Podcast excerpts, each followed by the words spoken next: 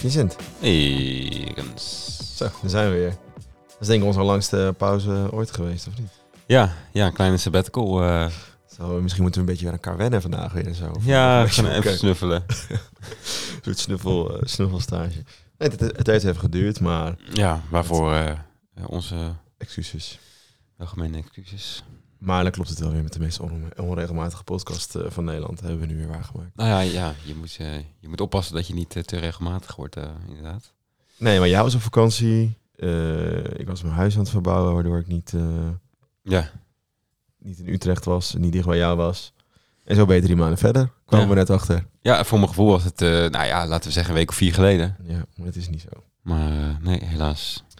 Maar niks minder. Wij hebben gelukkig gewoon weer een nieuwe aflevering, een nieuw onderwerp. Ehm, dus alle mensen die een berichtje hebben gestuurd. Het is, eh, het is gelukt. Er is een nieuwe aflevering. En we gaan eigenlijk stilstaan bij eh 4 en 5 mei. Dat komt er namelijk aan. We nemen dit op op zondag eh, 23 april.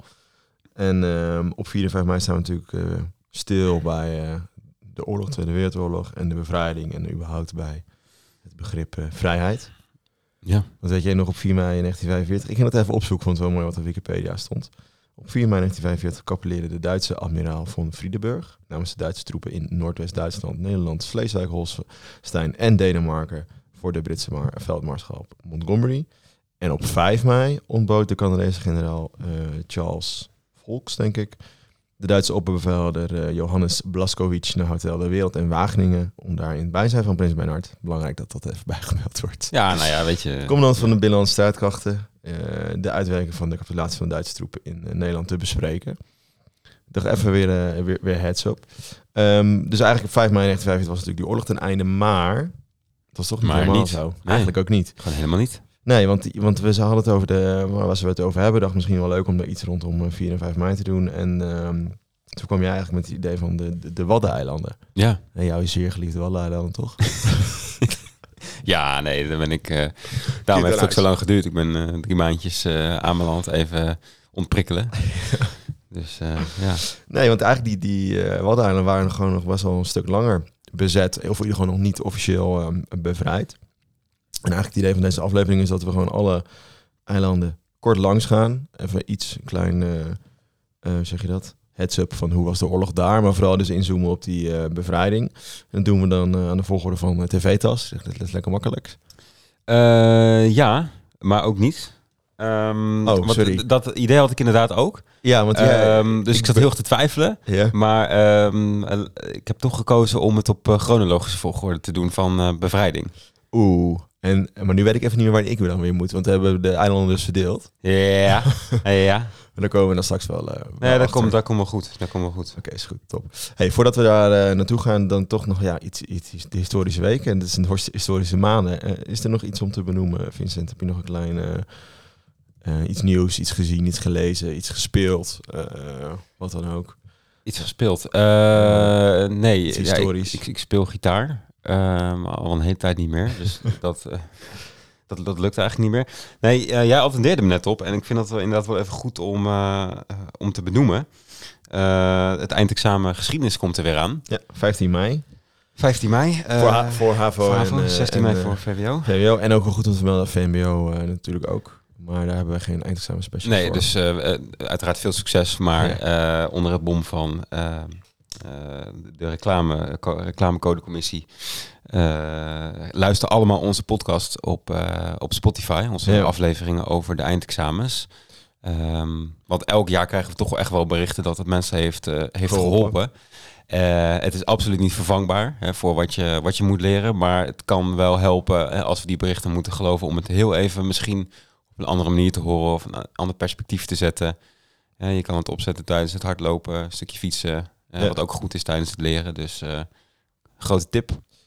En eh, het is wel grappig, want in de luistercijfers zie je al eigenlijk sinds een maand dat die afleveringen weer Ja, vind ik op omho- omhoog komen als best beluisterde afleveringen van de maand bijvoorbeeld of van de week.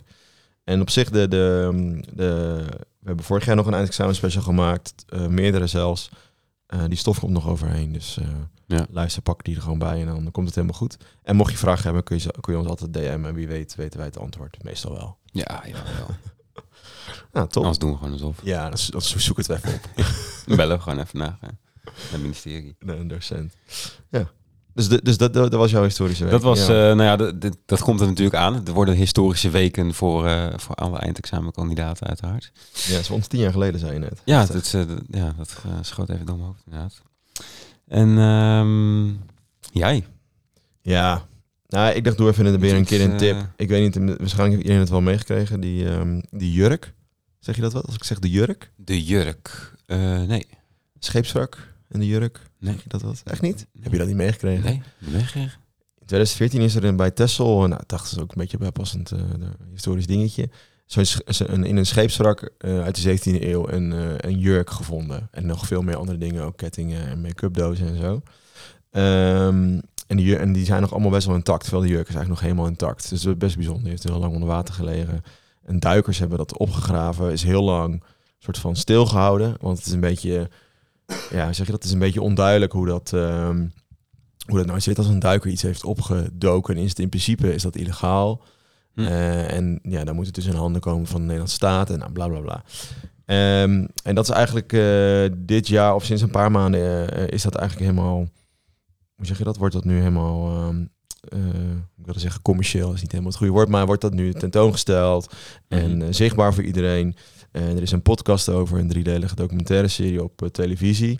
En er is zelfs, en daar kwam ik dus net achter, een, een interactieve spel om zelf te duiken naar het wrak. En ik, ben, Oh. ik, ik wel dat het geluid wat je net hoorde was ik net aan het doen. En dan kun je dus le- le- lekker. Ik ben nu bijvoorbeeld. Ik zal, ja, ik zal het even jou laten zien. Eh, voor de luisteraars moet je het maar een keer opzoeken. Ik ben nu eh, onder water. Ik, ben, ben net bij het eh, wrak aanbeland. En dan kan ik gaan zoeken naar schatten. Wat leuk. Ja, best leuk. Vond best grappig.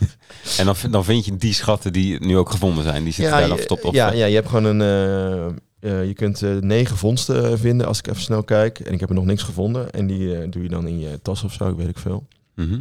En dat komt dan helemaal overeen met waar ze dan ook lagen in het echt. Of- ja, volgens mij wel. Ja, dat is wel het idee. Het is eigenlijk een soort.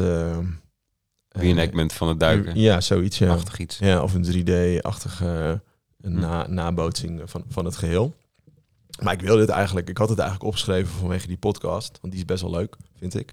Mhm. Ehm, want ze onderzoeken dus allerlei scenario's en vooral ook ehm, wat er eigenlijk allemaal een soort van ehm, foute scenario's die zijn er geweest de afgelopen jaren. Want het is ongeveer volgens mij even uit mijn hoofd. In 2013 was die, eh, of 2014 was dat, eh dat opduiken. In 2015 werd het dan soort van bekend in de kranten en zo van wie dat zou zijn. En een van de eerste scenario's was dat het een of andere een jurk zou zijn van een, een, een spi- spion van het Engelse Koningshuis. En dat is, dat is natuurlijk super sappig. Ja, dat is heel En pikant. Echt heel pikant. Nou, dat is inderdaad, eh, vind je en in eerste instantie al een jurk van meer dan eh 300, 400 jaar oud, die nog een soort van helemaal intact is. Nog helemaal goed zichtbaar is. En het blijkt ook nog van een spion te zijn van het Engelse Koningshuis of tegen het Engelse Koningshuis. Nou, dat blijkt dan niet waar te zijn. En eigenlijk gaan ze in al die afleveringen allerlei scenario's langs. En, en leggen ze dus helemaal hun denkstappen ook uit. En dat is, ja, het is gewoon super leuk om naar te luisteren. Dus eh, dat is even een tip van mijn kant. Dat zou ik Hm. zeker doen als ik jou was. Klinkt goed. Ga Ja. luisteren. Ja. Daarover gesproken, ik moet er opeens aan denken. Heb jij die ehm, podcast met, eh, met de koning nog al geluisterd? Nee. Nou, nee, ik Nee. ook. Ik, ook eh, ja, ik heb één aflevering een beetje half geluisterd. Maar dan moeten we dan misschien maar later nog eens een keer op terugkomen. Want dat is natuurlijk ook vrij historisch. Dat hij een podcast had. Ja. ja. Een soort van King's Speech. Ja, Ja, ik, weet, ik heb wel dingen over gelezen. Dat hij natuurlijk niet helemaal hè, uit nee, zijn... eh, ja wat verwacht je ervan? Ja. Ja. En eh, het is natuurlijk... Ja, het is allemaal natuurlijk in scène gezet. Want we moeten alleen maar werken aan het imago van de koning, toch? Lijkt mij. Dat daarom... Nou ja, eh, het- dat, dat is de achterliggende gedachte. Ze zou het vast niet tegenwerken, inderdaad. Ja, ik ben benieuwd. Maar hij wordt wel volgens mij best goed beluisterd. Wat ik me ook wel kan Ja, voorstellen. hij staat echt eh, Overal bovenaan, Al die ja. afleveringen staan bovenaan, ja. Nou goed, dan gaan we Nou, we eh, moeten eens even de volgende keer... eh, even een goede recensie we in schrijven. oktober weer een keer opnemen. Ja. Maar uh, ja, over het woorden eh, van de dag. ja, laten we de boot nemen. Ja, want we gaan, eh, we, we zijn in Den Helder en we gaan, eh, we pakken de boot eh, naar Texel. Of Texel. Wat zeg jij? Texel of Texel? Ik zeg de zijn hele mensen die aan Texel zeggen. Weet ik niet. Ik vind het wel leuk om Texel te zeggen. De Tesselaars. Ik zeg meestal uh, skuumkoppen. Uh, skuumkoppen, ja, ja, ja, ja. Nee, we gaan, uh, we gaan als eerst naar Texel. En dat komt eigenlijk omdat, uh, en dat is natuurlijk verwarrend. Hè? Het is het eerste Waddeneiland, als we TV, TV-tas technisch spreken. Maar het was ook het eerste eiland dat, dat werd bevrijd. Mhm. Mm -hmm. Namelijk op 20 mei kwamen de Canadezen aan wal. En beëindigden daarmee de Duitse bezetting. Ja. en dat is natuurlijk raar. Want, uh, zoals je net al zei, op 5 mei had Duitsland als staat zijnde al gecapituleerd in, uh, in Hotel de Wereld in, in Wageningen. Mm -hmm. um, en ja, dat verklapt eigenlijk al een beetje dat die hele bevrijding ook eh, niet zonder slag of stoot eh, eh, ging. Eh, want de bevrijding van Texel en eigenlijk met name de strijd voor, vooraf aangaand aan die bevrijding... eh, werd ook wel de laatste Europese veldslag genoemd eh, van de Tweede Wereldoorlog, uiteraard. Ehm, en dit, dit, was, dit was ook wel een interessante strijd. Hè? Want deze... Was namelijk eigenlijk een conflict binnen eh, het bataljon wat op Texel aanwezig was. Dus binnen het Duitse bataljon dat, dat bezette. Begin februari 1945 arriveerde daar namelijk het 882ste Georgische bataljon Koning Tamar. En dit bataljon bestond uit ongeveer 1200 militairen, waarvan er 800 Georgiërs, vandaar de naam, en 400 Duitsers. Zou je dan balen als je een Duitser was en je wordt dan in een Georgisch eh, bataljon geplaatst? Ja, dat het ook niet een Duitse naam heeft. Hè? Ja. Dat vind ik maar waarschijnlijk. Ik heb daar niet echt op gezocht, maar ik ging daar zo een beetje eh, onbewust van uit dat koning Tamar is vast een of andere Germaanse connectie dan weer tussen Georgië. Of Oh. zou je niet denken, zoiets? Ja, Ja, dat zou wel zo kunnen. weet het ook niet hoor. Maar ehm, in ieder geval, die Georgiërs, eh, dat is natuurlijk een beetje raar. Hè? Dan denk je al van nou, 800 Georgiërs, 400 Duitsers. eh, hoe zit dat precies? Nou, die 800 Georgiërs, dat waren namelijk vrijwilligers die via het Oostlegion-programma eh, in dit bataljon terecht waren gekomen. En dit programma bood krijgsgevangenen de kans om in plaats van onder erbarmelijke omstandigheden in krijgsgevangenschap te zitten. Hè? Bijvoorbeeld aan het Oostfront, waar ze dan de Georgiërs eventueel gevangen waren genomen. Om in plaats daar eh, onder slechte omstandigheden eh, weg te rotten in een cel, mochten ze strijden aan de kant van de Duitsers. Hè? Dus daarom gaf je op voor dat Oostlegion-programma. Nou, naast deze krijgsgevangenen zaten hier ook wel vrijwilligers bij die eh, gewoon echt wilden strijden in, Mhm. in het Duitse, Duitse leger. Met name tegen het opkomende communisme. Dat is natuurlijk in die regio ook nog wel een strijd in die tijd of je voor of tegen het communisme was. Ja. Nou, op 5 april kwam uiteindelijk het bevel eh, van de Duitse commandant. hè, dus die zat bij die 400, eh, 400 Duitsers van de 1200. Van de Duitse commandant eh Breitner. eh, dat het bataljon zich eh, klaar moest maken om zich te gaan verplaatsen naar het oosten van Nederland. Omdat daar toch wel de geallieerden richting de oostgrens trokken vanaf, eh, vanaf Duitsland. Hè, die stonden al bij, eh, voor de poorten van Berlijn, voor de poorten van Bremen. Dus dat zal niet al te lang meer duren. Dus die hadden een, eh, een nieuwe taak gekregen. En op dat moment ja, kwam eigenlijk het besef bij de Georgiërs van die oorlog die is eh, wel redelijk voorbij. Hè, dat kan, dat is een kwestie van weken. Ja. Eh, wat gaan we doen? Eh, want ja, uiteindelijk waren ze natuurlijk wel... De meeste waren er eigenlijk niet vrijwillig. Hè? Dat waren die krijgsgevangenen. Dus die, dus die deden wat ze moesten doen om maar niet in, die, in de gevangenis te zitten. Dus dit was voor hun de kans om te laten zien... wij zijn eh Georgiërs en we zijn hier niet vrijwillig. En wij je zijn wel onderdeel van dit Duitse bataljon, maar eh, eigenlijk niet. Nee. Eh, dus wat deden ze? Eh, ze kwamen in opstand. Namelijk op 6 april. Dus op 5 april komt dat bevel van we gaan weg. Dus dan denk ik, we moeten nu toeslaan. Diezelfde nacht, de nacht van 5 op 6 april, om 1 uur komen al die Georgiërs in opstand tegen de Duitsers.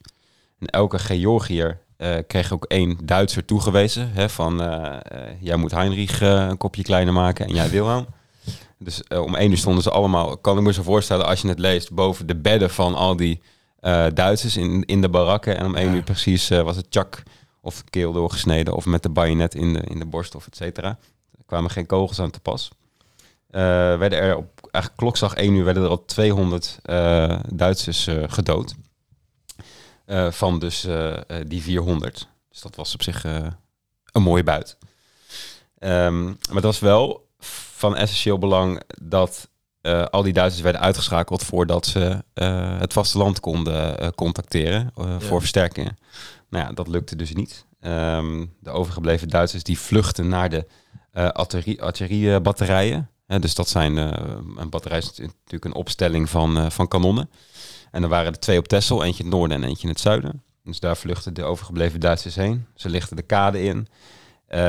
En de volgende dag kwam, eh, kwam er al versterking. Een boot van 600 eh, Duitsers eh, landen Echt op. Texel. Ja, het is echt... eh, In, in zo'n Ook- situatie met wat je leest, van alle kanten word je aangevallen. En dan, ja, ik, ik vond het ook opvallend dat er, eh, dat er opeens nog een blik zou van bij- 600 Duitsers Ja, opengetrokken want je kon zou bijna zeggen, ja, het is een eiland, dus...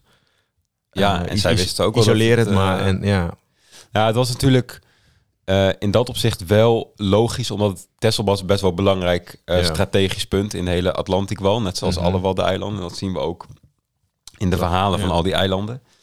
Ehm, maar er landen dus 600 Duitsers. En eh, half vier die middag daarna, dus op de 6 april, werd Den Burg, waar de Georgiërs met name zich verschanst hadden. Den Burg, hè, de, de hoofdstad van als je een Ja. hoofdstad zou kunnen noemen.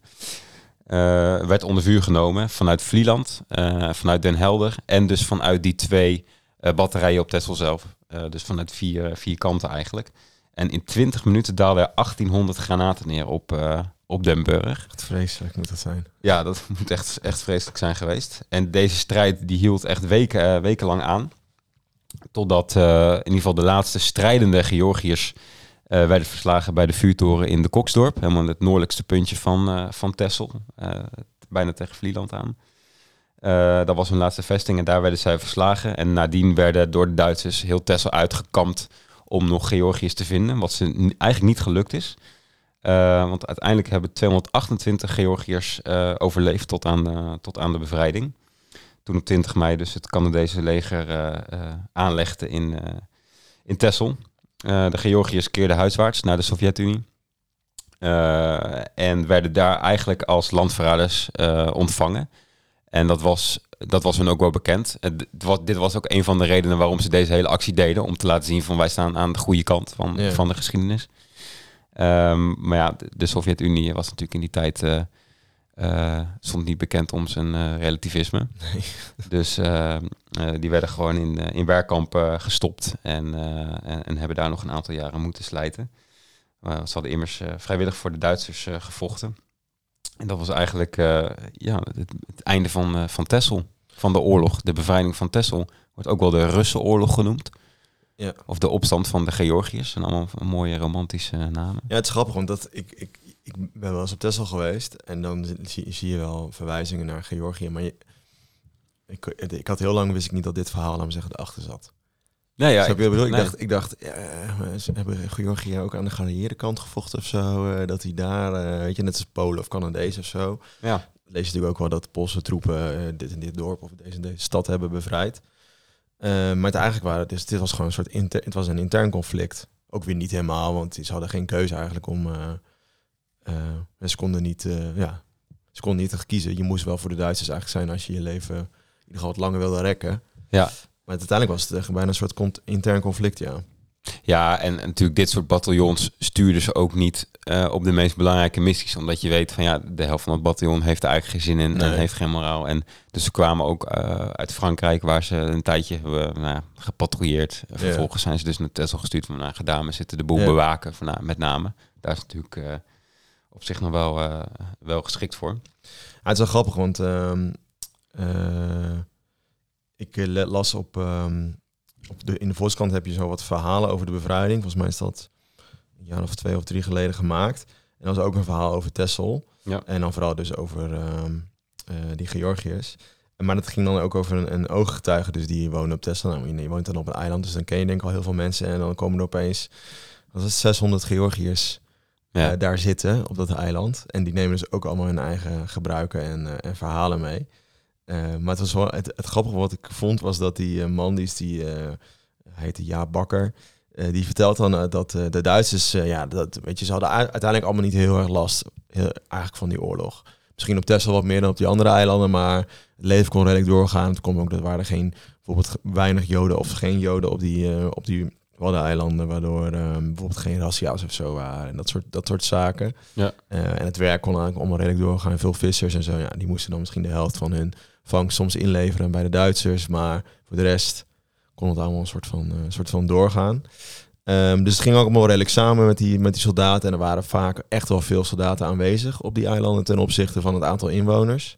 En dat zo ook dus ook op eh Texel. En dan, komen dus ook, en dan komen er dus opeens 600 Georgiërs met nog weer andere gebruiken en nog een andere cultuur dan die, dan die Duitsers. Maar eh, die Jo Bakker, die vond eigenlijk ehm, ehm, die Georgiërs veel gezelliger. Want die Duitsers die hadden echt van die hele eh, heftige, zware liederen. En die Georgiërs waren veel meer aan het dansen met elkaar. En die dronken veel meer. En eh, dat, dat was hem dan bij bijgebleven. Ja, dat is wel grappig toch om dat dan te lezen. Die, ja, dat dat natuurlijk dan ook heel erg verschilt. En wat voor impact dan zo'n groep kan hebben op zo'n eh, op zo'n eiland. Ja, Ja, die, ehm, eh, die Duitse major, dus die Breitner, ja. die, die daar zat, die, die heeft dus echt tot, tot aan zijn dood, eh, laten we het even romantiseren, echt de pest ook gehad aan die, aan die Georgiërs. Oh ja. Want hij, zeg maar, ook al was, de, was het oorlog en was hij al bijna voorbij en hij voelde zich gewoon echt, echt verraden. Ja. Het is ook wel grappig dat je dat, dat lees je dus ook wel in de bron, dat hij dat nog gezegd heeft eh, later, dat hij eh, dat eh, Zo grappig. echt hoogverraad, eh, Ja. hoogverraad vond. Ik ken nog even één belletje. Ik had even snel opgezocht wat eh, koningin Tamar eh, was. Zij Oh, is de koningin van Georgië in het eh Georgiaanse, de, nou, de Gouden Eeuw van Georgië. Eh zoals koning tussen 1184 en eh 1213. Dat was eigenlijk de bloeiperiode van, van Georgië. Dat was best bijzonder, want het was echt een christelijke enclave in een rest wel islamitisch Byzantijns eh, gebied. Eh, en zij was een van de, bijvoorbeeld een van de opvolgers van eh, David de Bouwer. Een mooie ja, ko- David de Bouwer, Ja. is dat de broer van Bob? ik weet niet, ik zag die naam voorbij komen, ik een beetje om lachen, David de Bouwer. Maar ja, koningin Tamar. En ehm, het was echt een bloed. Ja, het is vooral dus dat die periode van haar, van haar, zeg je dat? Haar konings, ko- koninginnenschap was echt een bloedperiode van de, van de cultuur. De Georgi- Georgische orthodoxe architectuur komt tot uiting. Er werden verschillende kathedralen gebouwd. Eh, er waren veel dichters die aan het werk waren, waar een beroemd eh, werk nog van overgebleven is. Eh, een groot epos, de Ridder van het Pantervel in Kantrijen werd bezongen. Nou, van alles en nog wat. Dus dan weten we dat. Stop de tijd. Toch even leuk, zo'n Ja. eh, zo'n intermezzootje Geo- Georgiaanse geschiedenis. ja. Eh, laten we doorgaan. Je hebt eh, nou, ja, richting Terschelling. Ja, dus even iets heel, eh, heel kleins. Hè. We, kunnen, we kunnen niet alles tot in de terug behandelen. Nee. Maar Terschelling werd op 29 mei bevrijd door de Canadezen. Dus negen dagen naar, naar Texel. Ja. Ehm, en enige we uiteindelijk was, moet ik het even goed zeggen, op 5 mei werd natuurlijk gecapituleerd. Eh, enige weken daarvoor, want dat zag men natuurlijk al aankomen, was de communicatie al afgesneden met, eh, met de wal, met het vasteland. Ja. Eh, en ook de veerboten die, die voeren niet meer van Harlingen naar, naar Terschelling. En dit is, dit is wel grappig, want ehm, ik denk dat het grote verschil met Terschelling en Texel is. Op Texel had je gewoon die, die Gregorianen. Gregorianen. Georgiërs. Georgiërs. Die Gregoriaanse zang. Koning, eh, koning Tamar. Nee, die Georgiërs. En dat zorgt natuurlijk ook nog voor die interne strijd. Maar voor de rest ehm, komt het wel redelijk overeen dat al die... En dat zie je eigenlijk op al die eilandjes, dat daar een commandant zit die zich denkt van ja, ik heb een eiland, het kan best klaar zijn, maar ik heb het gewoon nog helemaal in handen en eh, laat ze maar komen. Ik zie wel wat er gebeurt. Eh, ik ga niet een soort van weg. Nee. Dat, dat deden ze allemaal niet. Echt bijzonder. Echt een soort, soort Napoleon-complex. Of, Ja, of, of ja, dik- dik- ja, En misschien was dat, dat is ook niet helemaal duidelijk of dat ook wel het bevel was van ja, blijf vooral zitten waar je zit totdat wij komen en Mhm. de boel gaan regelen. Ik denk dat dat er ook wel een beetje achter zat. Ja, denk ik ook. Ehm, maar ja, precies wat je, wat je al zei. Hier had je ook een eh, eh, 2200 Duitsers op 3300 eh, eilanders. Eh, nou, echt, dat, echt veel vind ik het. echt veel, ja. En dat had dus alles te maken met die, eh, met die Atlantikwal. Ja. A, omdat het dus strategisch heel belangrijk was om het te verdedigen, maar ook gewoon om het te bouwen. Mhm. Eh, daarom waren natuurlijk ook eh, gewoon veel mensen daar. En al die Duitsers zaten ook allemaal ingekwartierd bij de mensen thuis. Dus het was ook heel lastig om bijvoorbeeld verzet te plegen op de Schelling. Ja. Omdat je, ja, eh, je kon niet stiekem s'nachts weg, want er liep gewoon een Duitser bij in huis. Eh, dus dat was, eh, dat was lastig. En Ja, ik vind het wel mooi. Sorry, ik moet een beetje Ja. lachen. Ik moest een beetje lachen om die zin die je had opgeschreven in het draaiboek. leven laten leven als het motto van ja, live and let live, don't ask, don't tell. Heb je dat zelf bedacht? Of, eh? Nee, dat had ik zelf bedacht. Dat was een beetje mijn conclusie uit wat ik, eh, wat ik las. Live and let live. Iedereen deed gewoon een beetje zijn dingetje, wat je zegt. ik weet niet of je hier een eh, voldoende zou krijgen als je dit als, als ei- eindconclusie van je essay zou hebben. Leven en laten leven, jongens. Dat is sowieso goed om mijn huis te nemen, hoor. Nee, maar dat, dat, dat kwam er wel een beetje, een beetje in, in naar voren, moet ik zeggen. Ja, ik snap wel wat je bedoelt. Nee, ik snap het helemaal. Je moet je, ja. Ze passen zich heel erg aan, maar je leest dus ook wel dat ze zich dus niet zo, ook zo erg weer hoefden aan te passen. Omdat Nee, de, de impact qua, laten we zeggen, conflict of zo viel allemaal wel mee. ja, voor, voor, voor, het, voor het leven dat ze daar leefden, Ja. inderdaad eh, wel. En op, eindelijk eh, op 5 juni, hè, dus dat is eh, dan weer een week ongeveer nadat, nadat de Canadezen slash Engelsen, want dat vond ik opvallend, daar verschilden de bronnen een beetje van mening over. Ja. Wat ik niet helemaal snap, Nee. want dat zou toch heel duidelijk moeten zijn, lijkt mij. Maar Eh, ook verschillende, gewoon ook wel allebei betrouwbare bronnen voor mijn gevoel. Dus dat Ja. vond ik, maar goed. Engelse slash eh, Canadese troepen. 5 juni eh, gingen de laatste Duitsers daar weg. Ehm, en werden, gingen de, die Duitsers per schip allemaal naar de Bremerhaven. Om daar ja, spulletjes in te leveren en weer een Duitse Ja. Leventje op Er zijn trouwens mooie, mooie foto's van eh, dat die Duitsers eh, gaan. Even als je kijkt op de bijvoorbeeld eh visitwadden.nl en dat soort websites of ehm, ah, gewoon Ameland tijdens de Tweede Wereldoorlog. Weet je, Als je het gewoon googelt, dan vind je best wel mooie foto's van Ja. eh, vooral Duitsers die weggaan. Atlanticwal-wadden.nl. Ja. Hele- Er zijn heel veel, inderdaad, er zijn heel veel bronnen over deze ehm, episodes in de, in de, in de Waddengeschiedenis. Maar het zijn gewoon best wel leuke foto's om dat die even te bekijken. Ja. Oké, dus dan hebben we nu de eerste twee gehad. De TT. Dus dan hebben we nog eh VAS, moeten we nog doen. Ja, de VAS. De VAS. Maar eerst eh, misschien tijd eh, voor de quiz.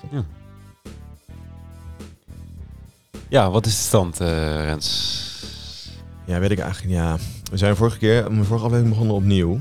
Ja. Ook zonder quizboek. Toen hadden we een soort AI-tooltje. Ja. Omdat we dus echt geen leuke quizboeks meer kunnen... Quizboeks? Quizboeken. Niet meer kunnen vinden. Dus heb je een tip voor iets van geschiedenisquizboek op niveau? Laat het weten. Laat het even weten. Ehm, dus ik wil eigenlijk voorstellen dat we vandaag voor het EGI beginnen. Oké. En we hebben weer ChatGPT. eh ik het tenminste, we hebben ChatGPT ingeschakeld. Vorige keer hadden we een app. Oh ja, dat was een app in. En om vragen eh, te bedenken. Dat is even een exercitie om te komen tot een beetje... eh, hoe zeg je dat? Moeilijke vragen. Ja. Maar jij hebt een vraag voor mij opgevraagd via ChatGPT en ik heb een vraag voor jou via ChatGPT. Ik kan wel even mijn eh, prompts geven. Misschien is dat leuk. Hè? Wil je het een keer zelf keer doen, kun je ook een beetje testen, een beetje mee spelen. Eh, ik begon namelijk met uh, bedenk twee quizvragen over de bevrijding van Nederland in de Tweede Wereldoorlog. Ja. Vragen moeten meer keuze zijn. En voor een ontwikkeld publiek. Nou, dat was, waren te makkelijk. Eh, maak de bovenstaande vragen specifieker. Eh, door ook in de vragen de Waddeneilanden te betrekken. Want het waren echt hele algemene vragen. Was nog steeds heel makkelijk. Toen dacht ik, ik ga het over een andere boeg gooien. Ik dacht, doe bedenk twee waar of niet vragen over de bevrijding van Nederland in de Tweede Wereldoorlog. Toen had ik gezegd, maak de bovenstaande stellingen moeilijker. Toen was het nog steeds heel makkelijk. Maak de bovenstaande stellingen specifiek door, in de Wallen, en door ook de Waddeneilanden hierin te betrekken. Nou, nu heb ik wel twee, denk ik. Kan wel. Ja? Dus mag ik kiezen, één of twee? Oeh, ja, dan ga ik voor twee. Ah, die is net heel makkelijk. Oh, doe, maar één, doe maar één dan. Oké, de eerste vraag. Eh, operatie Manna. Is een, een van de geallieerde operaties die hielp bij de bevrijding van Nederland in 1945. Maar was er ook een soortgelijke operatie op de Waddeneilanden genaamd Operatie Faust. Is dit waar of niet waar? Ik, met dit soort dingen denk ik haast, ik kan dan die chat GPT niet verzinnen dat dat dan niet waar is. Maar Operatie Manna? Ja, nee, je moet even Operatie Faust zou het dan moeten zijn. Dus Operatie Manna was een van de geleerde operaties Ja. die hielp bij de bevrijding van Nederland. En dan maakte hij de denkstap. Maar was er ook een soortgelijke operatie op de Waddeneilanden genaamd Operatie Faust. Dus zou eerst moeten weten wat Operatie Manna is. Ja, ik, ik, ik, ik denk gelijk aan soort manna-regen of zo. Ja, het, ja met, dat eh, klopt. met drops van Ja. eten of eh, Ja. iets. Of zo. Ja, dan zit je heel goed. je- je maar in Faust, ja, is dat dan hetzelfde? Eh, dan ga ik voor niet waar. Klopt. Dus eh, inderdaad niet waar. Operatie Manna was een geallieerde operatie. werd uitgevoerd om de hongerige bevolking van Nederland te voeden. Had Hm. niets te maken met de bevrijding van de Waddeneilanden. En was dan ook dus ook geen soortgelijke operatie genaamd Operatie Faust. Moet ik zeggen, ik heb het niet gecheckt. Dus ik heb geen idee of het echt... Of Operatie Faust ook eh, iets is. Ja, of, Of en of ook. Operatie Manna überhaupt bestaat. Hmm. Dus dat... ehm, nou, ik, het lijkt wel te kloppen, ja. Misschien zelfs posters. Was Hm. een...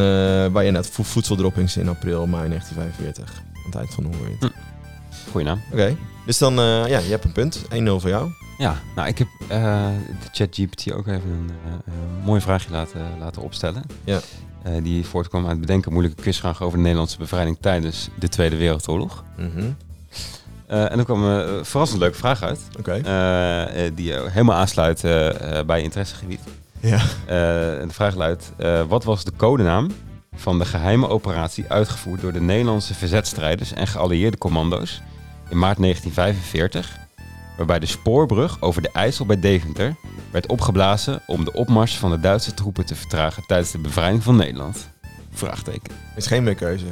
Geen meer keuze. kan, kan, Doe even, doe even volgende opdracht. Maak, dit, maak er een keuzevraag van. Ehm, ja, nee, ik zou, ik zou echt niet weten wat die naam is. Sorry. Even kijken. Nou, hij is even aan het eh, denken. Daar Ja. komt eh, een- een as we speak uitgerold. Was dat A, Operation Market Garden? Was dat B, Operatie Overlord? Was dat C, Operatie Cannon Shot? Of was dat D, Operatie Varsity? Market Garden is voor Arnhem, toch? Ik denk Overlord. De naam zegt me wel wat. Dat is mijn antwoord ook. Overlord? Ja. Eh, nee, dat is niet goed. Wat is het dan? Het is eh, Operatie Cannon Shot. Oh, Ja. me helemaal niks. Jou? Oh, nee, mij ook niet. Maar ik dacht misschien eh, heb je het een keer gehoord Nee. eh, in die contraien daar. Nee, het is niet, eh, geen straatnaam naar vernoemd of Nee. zo. Nee. Helaas. Nee. Ehm, Operatie Overlord is Normandië. oh ja, tuurlijk. Ja. Ja, dat is gewoon een soort... Dat, is, dat moet hem zijn. Ja. Oké, dat betekent dat ik een fout heb en dat één of jou staat. Zullen we nog een vraag bedenken voor de luisteraars? Ja, dan zeg ik bedenk ook een vraag voor de luisteraar. Ja, nou, doe eens. Kijk wat er nou komt. Je zit op dit moment eh, even aan het intypen op zijn eh, MacBook. ik doe een soort audio-scriptie. Ja, Eh, en het, arrogant. het Natuurlijk. systeem is even aan het nadenken. Ja hoor. Wat was de grootste militaire operatie die tijdens de bevrijding van Nederland in 1945 werd uitgevoerd? En wat was het doel ervan? Leuk. Ja. Schrijf me even op, dan kunnen we die... Vraag even om het antwoord, want dat Ja. weet hij dan nog niet. Oh ja. Maar ja, De- deze zullen we dan stellen via onze socials en dan kan je nou beantwoorden. En mocht je hem een keer goed hebben, dan eh, krijg je een pluim. ja dan krijg je een hele, hele dikke vette pluim. Oké, laten we doorgaan eh, met de andere eilanden. Ja, want jij eh, Ik heb ook, wat... ook wat uitzoekwerk gedaan. En moet ik dan nu naar Vlieland? Want dat, is de volgorde in het draaiboek namelijk. Ja, we moeten nu, dus we gaan nu weer terug. Als we het kunnen hebben over terug, dan kunnen we naar Vlieland. Ja. Dus we gaan, we hadden TV, dus hadden we de V overgeslagen. Ja, dan ging naar de Schelling meteen. Ja, en dan nu gaan we we weer terug. terug naar Vlieland. Vlieland. Ben je er wel eens geweest? Nee. Leuk eiland. Nooit geweest. Nee. Leuk. Ja, Flibiza noemen ze het ook wel. Oh ja, joh. Nee, eh ehm, nee op, op, op Vlieland verliep de oorlog, eh, ik heb het tussen haakjes maar even gezet, rustig. Eigenlijk ook wel rustig. En niet heel veel, eh, nou, eigenlijk wat we net ook al hebben gehad. Er gebeurde niet heel veel bijzondere, er waren geen razzia's, dat soort dingen. Ik vond het ook wel grappig dus dat eh, er waren 240 Nederlanders eh, aan het begin van de oorlog op het eiland. En die zijn zonder een schot te lossen, zijn ze van het eiland weggegaan eh, toen eh, Nederland capituleerde. Vond ik wel grappig. Ik denk, nou, die hebben daar gewoon waarschijnlijk gewoon gezeten en gedacht, ja, wanneer komen ze? hè? En Ja. toen had Nederland zich al gecapituleerd. Denk ja, ik, toch? Ja, ja, volgens mij was dat in, op alle eilanden ook zo. Dat Ja. wel gecapituleerd was voordat Ja, überhaupt. er, ja. Ehm, en je leest eigenlijk voornamelijk ook met Vlieland weer hetzelfde. We hebben net over die, eh, die, die wal geza- gehad, die eh, Atlantic Wall. Dat het hier op Vlieland ook heel belangrijk was. En dat die Duitsers vooral daarmee aan het bouwen waren. En eh, verschillende batterijen maakten. eh, heel veel grote bouwwerken om dus... eh, nou, ieder geval ergens een verdedigingslinie te hebben tegen als er iets van het water afkwam. Dat was eigenlijk heel belangrijk. En eigenlijk wat er gebeurde tijdens de oorlog was dus of dat er, eh, je leest bijvoorbeeld dat er eh, soldaten ehm, die overleden waren van de slag om Duinkerken wel eens aanspoelden op Vlieland of op de Waddeneilanden. Dus die lichamen kwamen best wel ver. Of dat er een, eh, bijvoorbeeld een landmijn of een zeemijn eh losschoot door, hard, door slecht weer bijvoorbeeld en dan tot ontploffing kwam dicht bij het eiland of op het eiland zelf. Dat zijn een beetje de, de, de gebeurtenissen die je dan, eh, die je dan leest. Ehm, en ook hier is het eigenlijk weer, kunnen we heel kort zijn. Het duurde even voordat eh, die bevrijding eh, kwam. Maar je leest eigenlijk over de Java Force. Daar ben jij waarschijnlijk ook wel tegengekomen. Dat was een, een, een divisie die op 26 mei de opdracht kreeg om eh, 60 man te, le- te leveren en richting de, de Vlieland te gaan. En de Duitsers daar eigenlijk niet echt weg te jagen, maar in ieder geval afspraken te maken met over hoe gaan jullie capituleren. Hoe gaan wij hier zorgen dat alles eh, overgenomen eh, wordt. Nou, die eenheid stond onder eh, commando van kapitein Johnston. En op 29 mei werd die Jaffa Force overgebracht van Den Oever naar het Schelling. Nou, dat, dat eiland hebben we eigenlijk net al gehad. Eh, nou, daar krijgt die, de, die, die, die Duitse commandant die daar zat te horen van... nou, op dit moment is het eigenlijk klaar met jou. Mhm. Niks meer te, te, te vertellen. En ehm, eh, dat ging dan over al die, die de, de drie eilanden, dus eh Terschelling, eh Vlieland en Ameland. Ik wil eens zeggen Schiermonnikoog, maar die viel daar weer buiten. Mhm. Dus de Schelling was eigenlijk de- het middelpunt van die, van die, van die missie, van die Jaffa Force. Ehm, en dan lees je dan over Vlieland dat in de ochtend van 31 mei er vijf soldaten werden gestuurd naar Vlieland om, het over te dragen. En toen was het klaar. Ja, Dat is toch mooi? Ja. Ik zie dat gewoon, ik vind dat heel schattig. Ik zie dat gewoon helemaal voor me. Waarschijnlijk van die jongens die helemaal, eh, nou, daar gewoon zin in hadden. Die zegt, nou, we gaan naar Vlieland toe. We gaan in gesprek met die Duitsers. En dan even vragen hoe, hoe jullie, nou, hoe willen jullie overgeven? Ja, wat gaan jullie doen? ja. Je leest ook wel dat, dat ze eigenlijk al heel, al net als op de Schelling, wat jij net ook al vertelde, en ook al op Texel, dat die Duitsers al helemaal bezig waren met daar weggaan. Zo snel Ja. mogelijk. ehm, Ja, en volgens mij was dat ook op Vlieland en vooral op Vlieland en Terschelling dat ook daar de, de binnenlandse strijdkrachten al wel Ja. waren. ja. Eh, maar dat de Duitsers, en dat was volgens mij wel iets, iets voor het hele land, zich daar niet niet, gaan eh, overgaven. nee. Want dat was echt één grote ja, eh Wild West eh, situatie. Ja. Eh, dus ze gaven hun wapens nog niet op totdat de geallieerden er waren. Eigenlijk kwamen de geallieerden ook wel een beetje voor de veiligheid van de Duitsers uiteindelijk. Ja, ja, want dat, eh, dat wil ik eigenlijk eh, nabij in, in het verhaal van, van Ameland vertellen. Want daar, le- daar lees je dat heel erg over. Die, die, eigenlijk die spanning tussen de binnenlandse strijdkrachten En, en de Duitsers. Zo komen we zo op. Maar dat was eigenlijk kort het verhaal van, van, ja, van Vlieland. Ja. Dus daar kunnen we heel kort ook. Het is ook natuurlijk een klein eilandje. Ja, je mag niet eens met de auto naartoe. Nee, moet je nagaan. Moet je nagaan. Oké, dan gaan we nu naar, ehm, Ameland. naar Ameland. En eigenlijk weer hetzelfde artikel, ehm, of hetzelfde stuk van de Volkskrant over verhalen van de bevrijding en dan over, eh, over Ameland. En dan lees je inderdaad over, eh, ehm, het begint eigenlijk met een man die een conflict heeft. eh, die wordt gestuurd door de binnenlandse strijdkrachten of door in ieder geval een afdeling daarvan. Dus eigenlijk door de, ja, hoe noem je dat? Hoe, hoe- wat, wat, wat- hoe zullen we de binnenlandse strijdkrachten typeren? Als een soort van... Nou ja, ze hadden volgens mij wel erkend gezag in, eh, in Nederland. Ja, maar het was ook wel een beetje... ehm, Ze, ze, ze kregen wel eh, bepaalde eh, taken van de geallieerden ook. ja, maar wel ook als een soort zoethoudertje, toch? Een beetje hetzelfde als met Prins Bernhard, die dan een soort van de commandant daar werd van benoemd. Als ook Ja. als een soort zoethoudertje. Ja, volgens mij waren ze uiteindelijk liever kwijt dan rijk, maar hadden ze Ja. gewoon de manschappen niet om ze niet te gebruiken. Ik denk dat dat een beetje de verhoudingen waren. Ja. Ja. Want ja, de- inderdaad, die binnenlandse strijdkrachten, die, die, die deden alles wat God verboden had. Die, eh, ja, die gingen gewoon eigen recht die hadden, daar, ja, die hadden Ja. daar vijf jaar op gewacht en die Ja. gingen nu eh, niet vol los. Ja. Ja. Maar op Ameland had je dus ook die, eh, die, die binnenlandse strijdkrachten. En is er dan een artikel van ehm Jurre van den Berg, die Wim de Boer ehm, interviewt, die 21 was toen de bevrijding was. En dat hij dus op dat moment een eh, conflict heeft met een Duitser die tegen hem scheelt. Eh, hij gaat naar, krijgt de opdracht om na, als posthuisjongen naar het postkantoor op Nest te gaan, of in Nest te gaan, is een dorp op, eh, op Ameland. En die zou hij soort van moeten bezetten of soort van daar moeten aanwezig zijn, want de jonge vrouw die het postkantoor runde of bemande had een affaire met een Duitse commandant. Dus dat was gewoon niet handig. Dan moest gewoon even een beetje toezicht gehouden worden.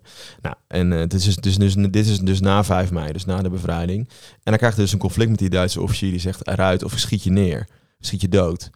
En eh, nou, dat ging dan een beetje zo eh, over en weer. En hij zegt dan, ik wijs ook op mijn armen. Die, die binnenlandstrijdkrachten hadden vaak een blauwe overal met een witte eh, soort aanvoerdersband met BS erop. Of Ja. een oranje aanvoerdersband of een rood-wit-blauw. Maar van, ja, wij zijn de binnenlandstrijdkrachten en jullie hebben getekend voor de capitulatie. Dus jullie hebben nu een beetje voor het, ehm, voor, het zeggen. Je kunt zeggen wat u wil, maar ik ga hier gewoon niet, niet weg. Maar uiteindelijk bo- bond dan die officier ook in. Dus dit, dit is hem gelukt. Hij had wel een soort van die, die zeggenschap. Ehm, maar wat hij dan ook later in het artikel zegt, is dat eigenlijk Ameland dus een tijdje in een soort van schemertijd leefde die maand lang. Dus ze waren wel bevrijd, maar er was dus wel spanning. En die Duitsers waren enorm opgefokt en angstig. Van ja, we zitten hier op het eiland, we kunnen of we mogen nog niet weg. We hebben, Ja. Ze hadden gewoon nog wapens. Dus ik kan me voorstellen dat het best wel een eh, lastige periode voor, ze, voor, die mensen was. Maar ook voor die Duitse soldaten die eigenlijk geen idee waar ze aan toe waren. En het liefst naar huis wilden, maar gewoon nog daar op dat eiland... eh, eh, op dat eiland zaten. Dus hij zegt ook, die Wim de Boer zegt, de sfeer werd er echt niet beter op tijdens die... en je hebt, hij zegt, de eerste paar dagen was het allemaal leuk en aardig en eh, super blij. Ehm, maar zodra eigenlijk die, die eerste euforie van die bevrijding weer was gaan liggen... en Ja. we een soort van moesten op, ons opnieuw moesten gaan verhouden ten opzichte van die Duitsers... werd het allemaal een beetje, beetje gekkig. Dus dat vond ik wel interessant om... ehm, Ja, want die, die Canadezen die kwamen maar niet. nee, Toch? Ze- Ik ook zoiets gelezen dat ze wel meerdere malen gevraagd hadden van... Hey, eh, ja. komen jullie nog? Of eh, Ja. hoe zit dat precies? Ja, en wat ik dus heel, ehm, eh, nou, niet schrikbaar, maar een beetje tenenkrommend vond, was dat, je, dat ze dan op Aanland ligt natuurlijk best wel dicht, dicht bij tegen Friesland aan. Dus zij konden gewoon de Nederlandse vlag zien wapperen. Op, Mhm. op, op de kerktoren van Holwert lees je dan. Dus dat is echt aan de overkant, laten we zeggen, van het eiland. Dus nou, die, zij waren dus gewoon bevrijd. En zij zaten er nog steeds aan op dat eiland met allemaal Duitsers. Ja. Ehm, Ja, dat, en dat, datzelfde verhaal zie, zag je ook een beetje op de Schelling inderdaad. Dat zeker op 5 mei al eh, de Ja. mensen de, de, de vlaggen uitingen. En dat die Duitsers zeiden, nou, eh, haal ze maar weer binnen, want ja, dus wij zitten er nog. wij, zitten- we Ja. zijn er nog. Hier lees je wel iets andere verhalen. Iets van dat ze eh, wel dus gewoon tussen de Duitsers door konden feesten. En dat, nou, er waren wel wat eh, feestelijke partijtjes. Maar uiteindelijk duurde het tot, tot, tot 3 juni. Dus dat is echt wel een maand later pas. Ja. Dat de geallieerden arriveerden en de Duitsers officieel het eiland eh, verlieten. Om via Terschelling naar de Bremenhaven te gaan. En daar dan weer eh, als krijgsgevangenen verder vervoerd eh, te worden. Dus dat was niet, eh, was niet altijd een pretje, denk ik, die eerste maand. Nee, echt gevaarlijk ook. Hè? Dus, eh, Ja. Volgens mij zijn er ook nog wel meerdere slachtoffers eh, eh, gevallen. Zo over die uh, Waddeneilanden heen, Ja. eh, in, die, eh, in die periode tussen de capitulatie en... eh, Ja, de, de- beetje dat verhaal bijvoorbeeld ook van eh, in Amsterdam toch op 6 mei of 7 mei. eh Ja, dat op de Dam eh, werd geschoten bijvoorbeeld. Maar dat is denk ik meer gewoon die, die stress of die Ja. onduidelijke periode. Ja. Wat nog wel leuk is, ehm, wat ik expliciet ook veel bij, eh, over Ameland las, gewoon twee dingetjes. Ehm, de dagen dat de, het was dus gecapituleerd op 5 mei. Eigenlijk kwam op 6 mei, 7 mei kwam de toerisme eh, wel weer op gang. Godzijdank. Dus eh, het werd ook echt wel echt mee, ge, zeg je dat, mee geadverteerd, want het is hier veilig, dus je kunt gewoon op vakantie op Ja. Ameland. Ehm, dus dat was wel, eh, vond ik wel heel grappig. Ehm, je hoorde af en toe dan vliegtuigen, werd er dan geschreven, maar voor de rest, je had eigenlijk geen last van die Duitsers. Je kon niet gewoon lekker op het strand liggen, niks aan de hand. Maar al snel, vrij snel hadden die Duitsers door, dat is niet helemaal, dit is gewoon niet zo handig als hier toeristen zijn. Dus vanaf augustus 1945 of 1940 was het eigenlijk al onmogelijk om, eh, om gewoon als toerist naar de Waddeneilanden überhaupt te gaan. Want eigenlijk voor alle eilanden had je toen al een auswijs nodig om daar te komen. Dus echt een goede reden, ondertekend door de Duitsers, om, eh, om van wal te gaan of juist naar de eilanden Ja. toe te gaan. Ehm, en eigenlijk hetzelfde geldt dus weer na de, na de bevrijding. Dat eigenlijk die, die toerismesector ook weer heel snel op gang kwam. Dus heel snel gingen mensen weer op vakantie naar de Waddeneilanden. En dan expliciet ook naar Ameland. En dat is ook heel veel Duitsers naar Ameland gingen. En dat was nog wel een beetje, begin nog wel een beetje... ja, Ja. je leest dan ook in het artikel van de Volkskrant een beetje wel, was wat ongemakkelijk. ja, kan ik me best voorstellen. Ja. En, eh, eh, maar dat je dan dat er ook heel veel Duitsers waren die dan excuses gingen aanbieden of, of inderdaad eh, iets dingen zeiden in, in het trant van ja, we hebben, we hebben het niet gewoest. Weet je, gewoon zulke dingen. Eh, maar ja, ze hadden ze ook wel gewoon nodig. Dus ja, dat, was, eh, dat ging eigenlijk vrij snel weer, dat was vrij snel weer normaal. Maar ik vond dat gewoon een grappig detail, wat heel veel terugkwam op, op in de verschillende bronnen. Dat, Van het toerisme. dat de Hm. toerismesector nauwelijks eigenlijk eh, buiten die vijf jaar eigenlijk om, eh, ja, nauwelijks last heeft gehad van de oorlog. Het is ook een mooi eiland, hè, Ameland. Ja, Eh, zeker. Wat is jouw favoriete Waddeneiland? Ik denk wel Ameland was het eerste eiland waar ik geweest ben. Hm. Nee, was, hadden, we hadden daar groep 8 kamp op Ameland. Dat was gewoon heel leuk. Dat was gewoon de eerste keer denk ik dat je eh, ze los van je ouders dan een soort van iets ging doen. Dat je kon keten en zo. Ah ja. En ik weet niet of je dat verhaal kent van, eh het is een heel mooi verhaal over Ameland. Over Sjoerd, een, eh, moeder die, nou, dat is, die moeder was, dus, eh, was de moeder van verschillende schippers. Ik Ja, moet het even goed vertellen hoor. Maar in ieder geval, het verhaal, de, de, de, het komt er een beetje op neer dat... nou, iedereen was natuurlijk op een boot. Eh, en dat Sjoerd het er ging uitvaren en op een gegeven moment niet meer terugkwam. En dat die, die moeder van Sjoerd dus eh, eigenlijk wel vaak wel iedere avond rond 12 uur s'nachts het, het strand opliet. Oh, en heel ja, hard ja, schreeuwde, ik. Sjoerd. Dat is natuurlijk gewoon de wind die je hoort. ja. Ehm, en dat, wat- dat verhaal werd ons verteld toen als groep 8 is bij een van, ik denk het, het museum of zo. Ehm, maar dat ik dan echt klasgenoten had. eh, we sliepen dan in een van de blokhut, waar de wind ook nog hard doorheen ging. Die dan echt doodbang waren, want die dachten, die vrouw staat hier te roepen om Sjoerd. Was er ook iemand eh, die Sjoerd heet? Of Nee, dat dan dat niet? helaas Nou, dat is dan jammer. dat is wel mooi geweest. ja. Dus ik denk Ameland. En die van jou? Eh, ja, ik ben op Texel en Terschelling geweest. Ja, we hebben Texel natuurlijk vanuit bij de shoot gezien. Ja, ook dat. Ja. Eh, dus voor nu zou ik zeggen Terschelling, omdat het over de rest... Maar ik vermoed dat Ameland of Vlieland wel eh, mooier is. Maar wordt vervolgd. Eh, nou, laten we naar het laatste eiland. ja, Ben ik nooit geweest. ik ook niet. Schiermonnikoog. Mhm. Schier. Ja, want eh, het leven op Schiermonnikoog eh stond de laatste weken, net zoals wederom, we vallen in herhaling, ten opzichte van de rest van de oorlogsjaren in schil contrast daarmee. Eh, want de inwoners leefden eigenlijk net zoals eh, op de Schelling en op Vlieland, eh, eh, gedwee samen met, met de bezetter. Ook daar bouwde de lokale bevolking mee aan de Atlantikwal en was dat eigenlijk hun, hun hoofdtaak tijdens, tijdens, tijdens de oorlog. Overigens werden er ook nog wel van alle eilanden wel mannen ter werk gesteld in Duitsland. Maar voor de rest hadden ze eigenlijk weinig met de oorlog van doen. Op Schiermonnikoog zijn eh, nog wel ook eh, eh, lijken aangestroomd vanaf de slag bij Duinkerken. Ja. En die zijn daar zelfs begraven ook. Ja. Een paar Franse, Franse soldaten. Dat is op zich ook wel opvallend. Ehm, en waar, waar de inname van eh, Schiermonnikoog tijdens het, of bij het begin van de oorlog nog zonder geweld ging. Wat je net ook al zei over Vlieland. Hè, de, Nederland had gecapituleerd na het bombardement van Rotterdam. En eh, de Duitsers kwamen met het bootje overgevaren vanuit Borkum. Dus dat ligt, dat is het Duitse, Duitse Wad- Waddeneiland in Oost-Friesland, in Duitsland. Eh, zo namen ze Schiermonnikoog eh in. Ehm, dat gold niet voor het einde van, van de oorlog. Hè, dus de- door de, na de capitulatie van de Duitsers. Want op 15 april 1945 vluchtten er 125 SS'ers en SD'ers. Dus de SD'ers, de, de Sicherheidsdienst, de, de ja, militaire politie, eh, eh, geheime politie in Nederland van, eh, van de Duitsers. Die vluchtten vanuit Groningen naar, naar Schiermonnikoog. En dat deden zij in bootjes. Sommigen die, die liepen ook stukken over het Wad. Hè. Als je dat een beetje goed timed, dan zou je naar Schiermonnikoog kunnen lopen vanaf, vanaf Groningen. Een goede laars aan hebben. Moet je wel goede, goede laarzen aan hebben inderdaad. Lekker hoog. Ja, nou, of juist niet, hè, want dan blijven ze weer, Ja, weer klopt, vast, ja. Ja. Vastzitten. Eh, en in de ochtend van, eh, van die 15 april eh, gingen ze dus met, met vier schepen vanaf de haven van Zoutkamp. Eh, kwamen, zij, eh, eh, kwamen ze binnengevaren en de Duitse kapitein luitenant Witko, die daar op Schiermonnikoog het gezag voerde, ja, die zag het eigenlijk totaal niet zitten. Die zag opeens allemaal van die ja, bloedfanatieke naties nog ja. op zijn eiland komen. Terwijl juist op die Waddeneilanden nou ja, zaten ook een beetje de oude, de oude gasten. Hè? Ja. Dus de, de, echt de strijders, die zaten natuurlijk allemaal aan het front. Dus al de mensen die de Atlantic wel bewaren, waren vaak allemaal oude vandaag. Dus die zagen het allemaal niet zo zitten. Die dachten, nou ja, net zoals die andere eilanden, wij, eh, wij zien de tijd wel uit totdat ze ons komen halen en het is wel prima. Eh, maar goed, eh, ze werden ontvangen en ze werden uiteindelijk ondergebracht in boerderijen en in een grote eendenkooi. En Witko, dus die commandant, die dreigde de groep te beschieten als ze enige problemen zouden veroorzaken. Hij richtte zelfs een kanon op die, op die boerderij waar, waar die SS'ers in zaten. Ja, super. Dat is best wel een bijzonder verhaal dit. Ja, Ja. echt best wel grappig. Eh, en die SS'ers die hadden dus al, voordat ze die boerderij ingingen, dat kanon onklaargemaakt. Dus die deed niet eens. Oh, ja. Dat is ook wel eh, eh, opvallend.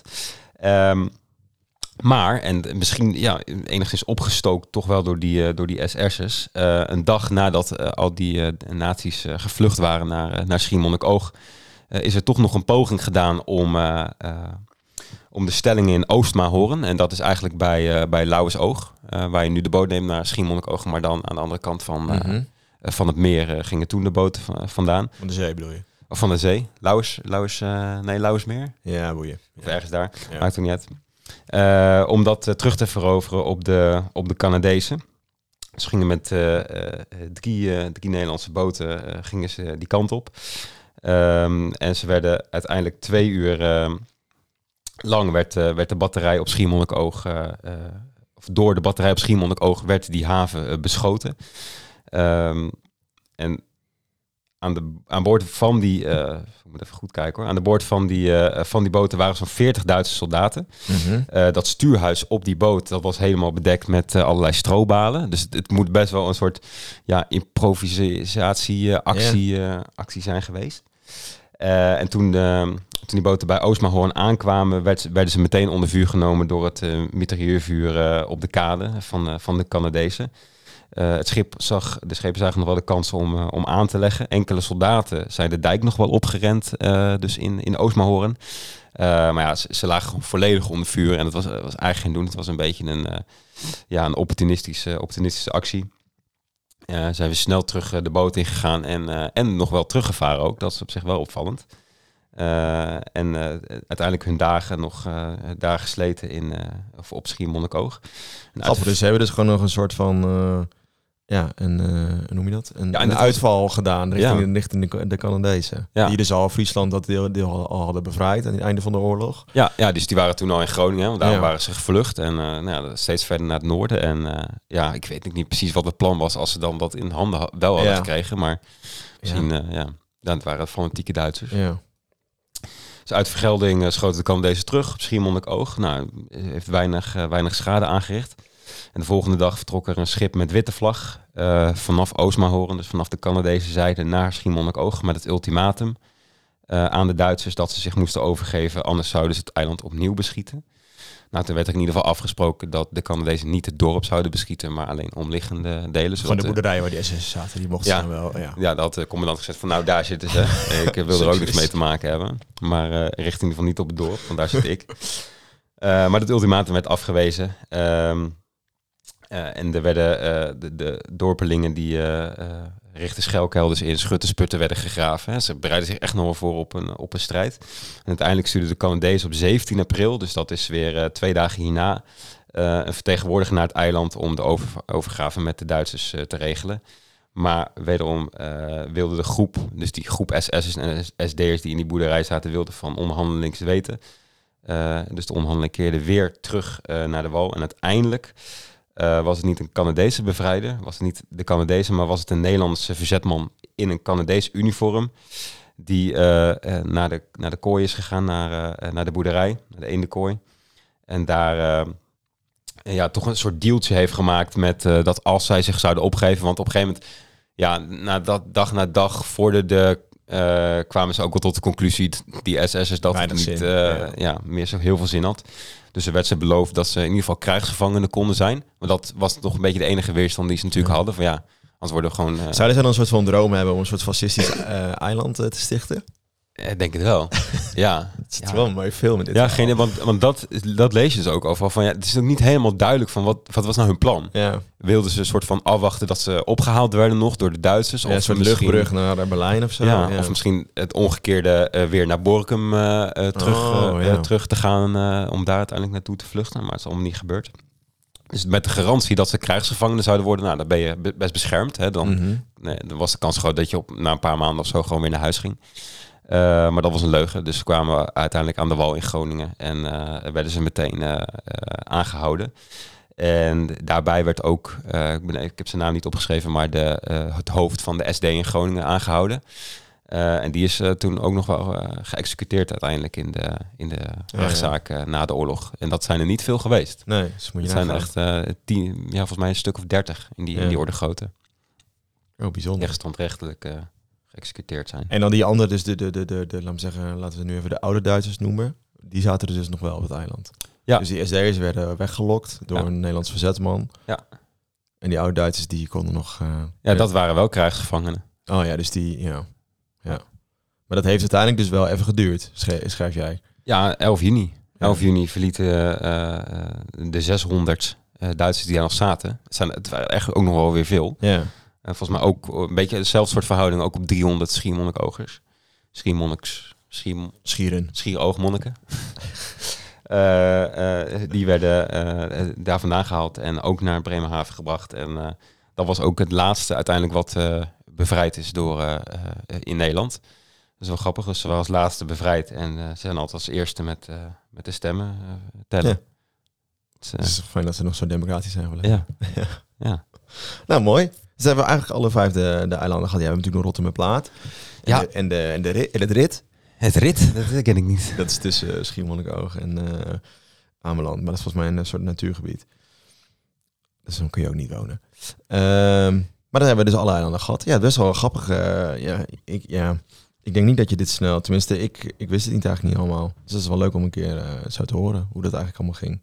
Ja, ook omdat, nou, je zit natuurlijk inderdaad op Tesla, misschien oog heb je echt nog wel een strijd. Ja, En voor de rest is het allemaal ook niet heel significant. Het Nee, maar het is een wel- beetje wachten. maar het is toch wel bijzonder dat het zo lang duurde. Ja, wel het feit dat het 5 mei geen oorlog meer is, officieel. En In de rest van het land. eh, dat het Schiermonnik, in het geval van Schiermonnik ook 11 juni uh, pas eh, vijf, vijf, zes weken tussen, ja. Ja, Je, je, je zit toch helemaal niet op te wachten, joh. ja, maar ja, die Canadezen die hadden ook wat anders te doen. Ja, daarom kwam het is ook logistiek natuurlijk niet. ja. Nee, Maar je bent gewoon bezig met waarschijnlijk die grote plekken, eh, die ja, grote en steden. al die. Duitsers moet je wat mee. Ja. Moet je allemaal eh, administreren, gevangen nemen. eh, ja. Ja, ja klopt.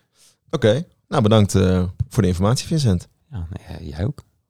Ehm, ja, mocht je ook, ook hier het gast willen zijn of hier of iets willen, la- laat het gewoon even weten. Stuur ons een berichtje. En wie weet, nodig je uit. En tot de volgende aflevering. We zullen beloven dat we iets eerder weer weer zijn. Ja, ja. Toch? Ja, ja. Ja, drie maanden moeten we, gaan moeten we we wel redden. Ja. En luister dus die eindexamen Oh ja. podcast. Hè, als je, Als je eindexamen doet. als je eindelijk anders kan, dan mag ook. Dus, ja, Als je kun je nog wat leren. misschien wil meepraten met een broertje, zusje, vriendin, buurvrouw, die eindexamen. Ja, het is veel uh, informatiedichtheid is, uh, is groot. is groot inderdaad. Ja. Oké, okay, joejoe. Dag.